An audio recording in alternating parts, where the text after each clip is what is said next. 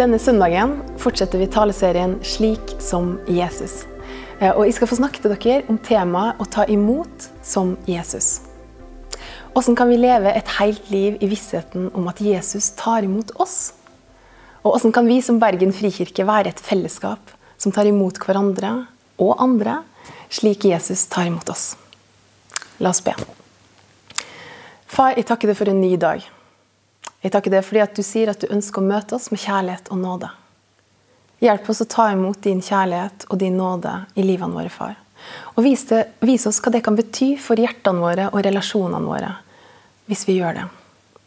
Far, må du lege oss, sånn at vi kan bli hele igjen. Jeg ber om at du skal åpenbare ordet ditt for oss i dag. På en måte som vi kan se og ta imot. Og la oss hver dag du gir oss med liv, Herre, få lov å leve stadig nærmere det. I Jesu navn. Amen.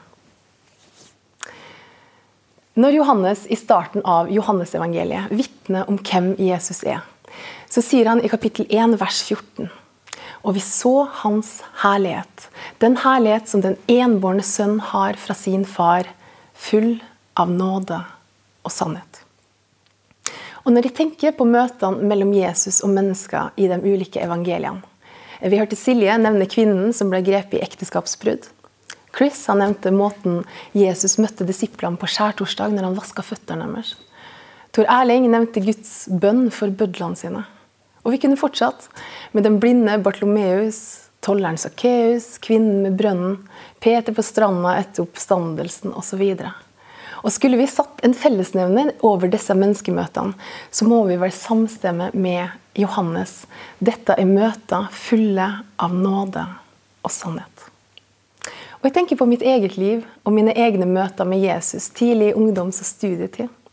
Møtepunkt som brakte meg i kne og blei til overgivelse og et ønske om etterfølgelse.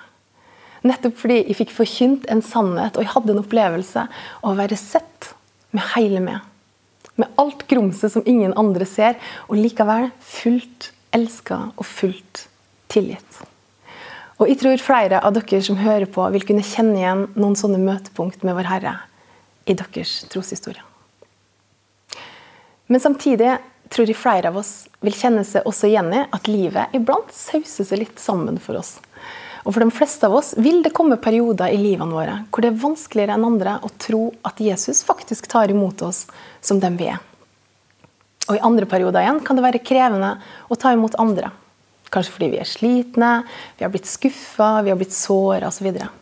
Og Jeg ønsker i dag å snakke om tre ting som vi håper skal hjelpe oss å holde dette perspektivet levende. At vi selv er tatt imot av Gud, og at vi kalles til å ta imot hverandre. Og det er én å holde fast ved Guds karakter. To å ta imot nåden. Og det tre å følge Han. Jeg vil begynne med det første å holde fast ved Guds karakter. Holde fast med at han er den han sier at han er. I første Mosebok kapittel 3 leser vi om syndefallet. Og vi hører de to fristelsene som slangen presenterer til Eva. Hvor han først stiller spørsmålstegn til Guds ord. ikke sant? Har Gud virkelig sagt? Og i den andre presentere en alternativ virkelighet, en alternativ sannhet, enn den som Gud har talt. Dere skal slett ikke dø. Den åpenbare handlinga som vi hører her, er at den onde evner også tvil om det som Gud har sagt. Men jeg tror den dypere og kanskje enda farligere handlinga som skjer, er at han evner også tvil om Guds karakter. Er han virkelig troverdig? Og denne kampen som vi ser Eva kastes ut i, det er den kampen som vi også lever i våre egne liv. Når vi lytter til den indre stemmen som sår tvil om vår verdi, vår tilgivelse, vår aksept hos Jesus eller hos hverandre i det kristne fellesskapet. Vers som vi stadig kommer tilbake til i bønn når vi skal tale et sted, det er fra hebreerne. Og jeg vet at jeg har nevnt dette for dere før. Men det står altså i Hebreerne 3, 7-8. Og der leser vi i dag om dere hører hans røst, så gjør ikke hjertene harde, som under opprøret, den dagen de utfordret meg i ørkenen. Og i Hebreerne 3,15 står det samme. I dag, om dere hører hans røst, så gjør ikke hjertene harde. Og i 4,7 står den samme setninga. Hvilken episode er det forfatteren av Hebreerbrevet viser tilbake til her? Jo, det er en hendelse som beskrives i 2. Mosebok, kapittel 17, vers 1-7. Skal lese for dere. På Herrens befaling brøt hele Israels menighet opp fra Sinørkenen ørken og dro videre fra sted til sted. De slo leir i Refidim, men der fantes det ikke vann så folket kunne få drikke. Folket trettet med Moses og sa, 'Gi oss vann, så vi får drikke.' Moses svarte, 'Hvorfor tretter dere med meg? Hvorfor setter dere Herren på prøve?' Men folket tørstet etter vann. De klaget til Moses og sa, 'Hvorfor har du ført oss opp fra Egypt?' 'Vil du at vi og barna våre og budskapen vår skal dø av tørst?' Da ropte Moses til Herren og sa, 'Hva skal jeg gjøre med dette folket? Snart steiner de meg.' Herren sa til Moses, 'Ta med deg noen av Israels eldste og gå fram foran folket.' Og staven som du slo på Nilen med, skal du ta med deg når du går. Se, jeg skal stå foran deg på klippen ved Horeb. Når du slår på klippen, skal det komme vann ut av den, så folket får drikke. Moses gjorde som Herren sa for øynene på Israels eldste. Han kalte stedet Massa og Meriba. For der trettet israelittene, og der satte de Herren på prøve da de sa:" Er Herren iblant oss eller ikke? Vi ser altså at dette opprøret som det refereres til i hebreerbrevet, når folket fikk harde hjerter, på overflaten handler om et tørst folk. Et folk som bekymrer seg, sånn som vi også kan gjøre, for eget liv, for barna sine og dyrene sine.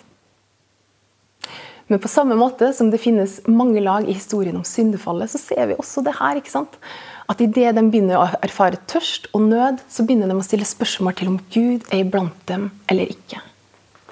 Om Herren er iblant israelsfolket. Han som nettopp hadde delt Sivsjøen så de kunne gått tørrskodd over, eller som nettopp har sørga for det med manna. På gode dager ikke sant, så kan vi humre litt over israelsfolket, kan vi ikke det?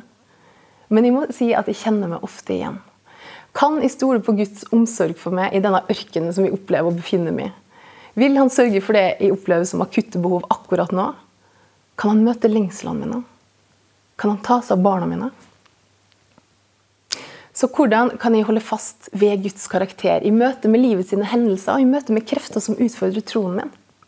For meg så er den mest effektive metoden til det å finne små rom i hverdagen til å kunne ta til meg av Guds ord, av Bibelen. Og for dere som kjenner livet mitt godt, så vet dere at dette iblant er veldig små rom. Ofte et sted mellom 5 til 15 minutter. Men det er helt nødvendig for meg. For det er virkelig ingen andre steder jeg finner Guds karakter så tydelig. Og Guds karakter og Guds sannheter de er på så veldig mange måter så veldig annerledes enn de sannhetene jeg møter i hverdagen min. Dette at det gis alt av bare nåde, f.eks. Eller at jeg elsker med en evig kjærlighet. Eller at de har barnekår hos Jesus. Fordi alle som tok imot ham, dem ga han rett til å bli Guds barn. Dette er ikke de realitetene vi vandrer til i vårt daglige. For jeg vet ikke åssen du har det på din jobb. Men i min jobb er det i hvert fall ikke sånn at det er alt av nåde. Eller at vi får fremmes eller får fast stilling av bare nåde. Eller i relasjonene vi ellers måtte stå i. Jeg er f.eks. gift med en utrolig flott mann. Eh, og selv om vi selvfølgelig er uenige som alle andre, så tør jeg påstå at vi egentlig har det veldig godt og et fint ekteskap. Men der heller er det jo ikke alt av nåde. Er det det? Så for å holde fast med Guds karakter, som er mitt første poeng i dag, eh, og det jeg kommer til å bruke mest tid på nå, så trenger jeg ordet.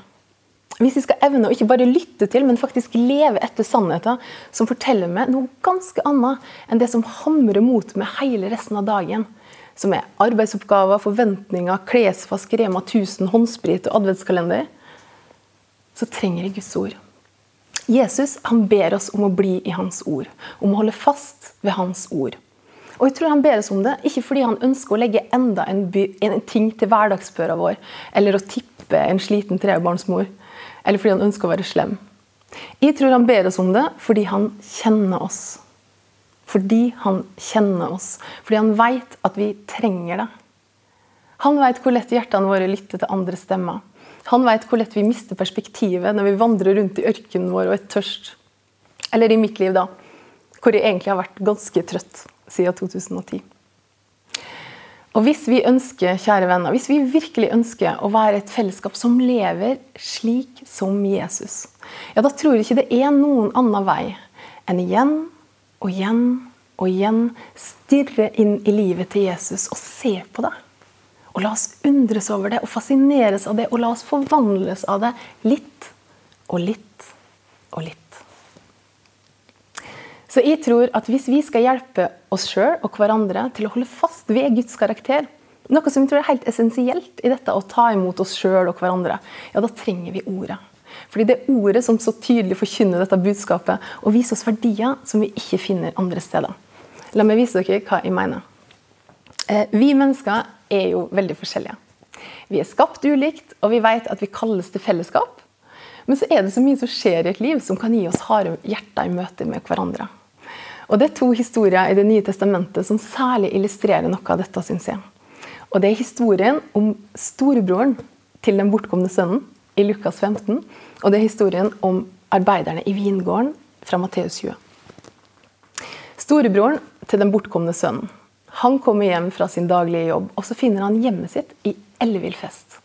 Fordi lillebroren hans denne susemikkelen av en type han har blitt edru nok til å karre seg hjem, og faren han har slakta gjøkalven.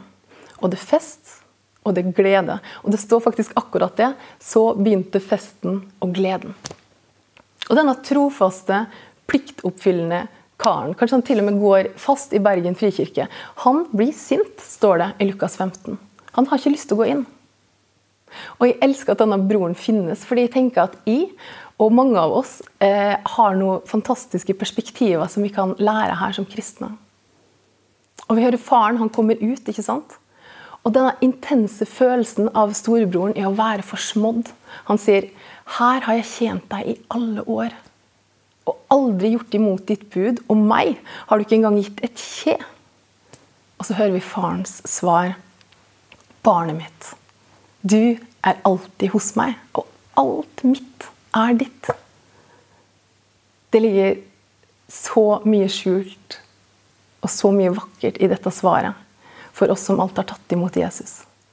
Jeg er hellig overbevist om at det er så mye godt Gud lengter etter å gi oss i hverdagen vår, som vi ikke kobler oss på. Du er alltid hos meg, og alt mitt er ditt. Er ikke dette en sannhet vi hadde trengt å bade hjertene våre i litt oftere? Et annet spennende scenario får vi i lignelsen om arbeiderne i vingården, hvor Jesus igjen prøver å fortelle oss noe viktig om Guds rike. I lignelsen er det en jordeier som vil leie inn folk til å arbeide. Han blir enig med dem om en dagslønn, og hele dagen rekrutterer han flere arbeidere. Og hele dagen så er dagslønnen han lover dem, akkurat den samme. Og når lønningstimen kommer, så blir jo de første arbeiderne sinte. ikke sant? Og vi hører litt den samme klangen som hos storebroren. De sier de som kom sist, har arbeidet bare en time. Og du stiller dem likt med oss, vi som har båret dagens byrde og hete. Og jordeieren svarer bl.a.: Har ikke jeg lov til å gjøre det jeg vil med det som er mitt? Eller ser du med onde øyne på at jeg er god? I disse historiene ser vi tydelig hvordan Guds sannhet og verdisystem bryter med den verden vi lever i. Og Hvis ikke jeg hadde hatt disse lignelsene, hvis ikke jeg hadde hatt disse ordene, så ville min natur og rettferdighetssans blitt med i denne klagesangen. Fordi i alle andre sammenhenger så er dette ekstremt urettferdig. ikke sant? Men Guds rettferdighet den handler ikke om det vi har gjort, verken av ondt eller godt. Den handler ikke om noe av det vi har gjort i det hele tatt. Den handler alt om det Han har gjort. Og at vi ufortjent og av Hans nåde blir kjent rettferdige, frikjøpt i Kristus. Dette er hans karakter, dette er hans godhet, og det er så fundamentalt annerledes enn absolutt alt annet.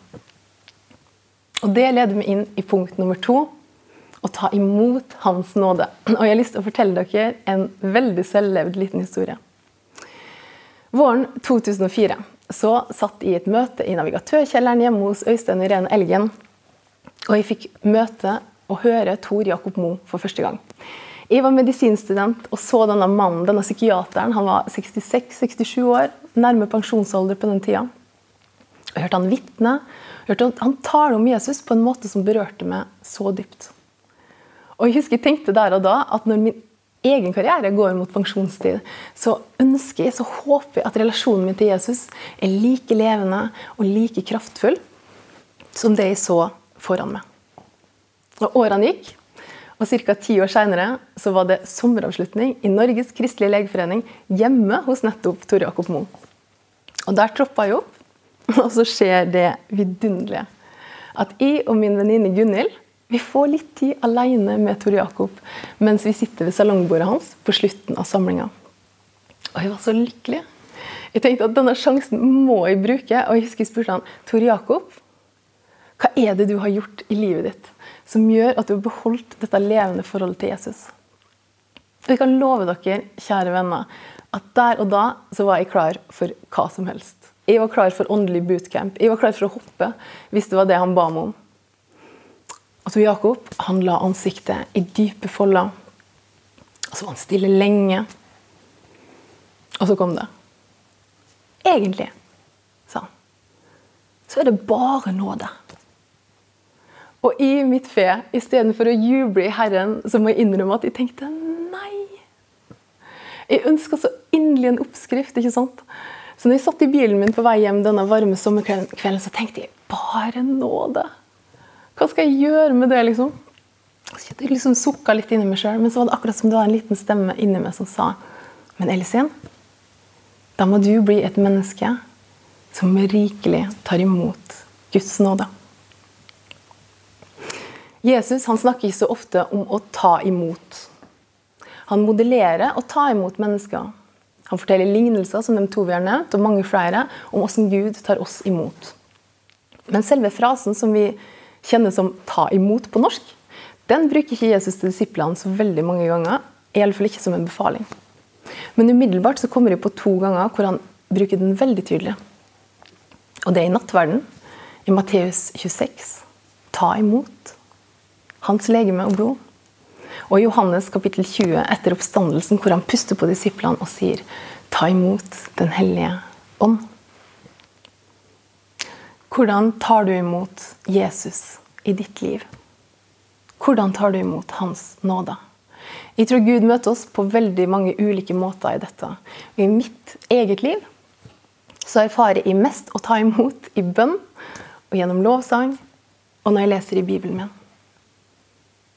Og For å bli mennesker som rikelig tar imot det Jesus ønsker å gi oss, så vil jeg oppmuntre oss alle på det sterkeste til å leite oss frem til de stedene i livet vårt hvor Gud tar det til oss, og så gå dit regelmessig.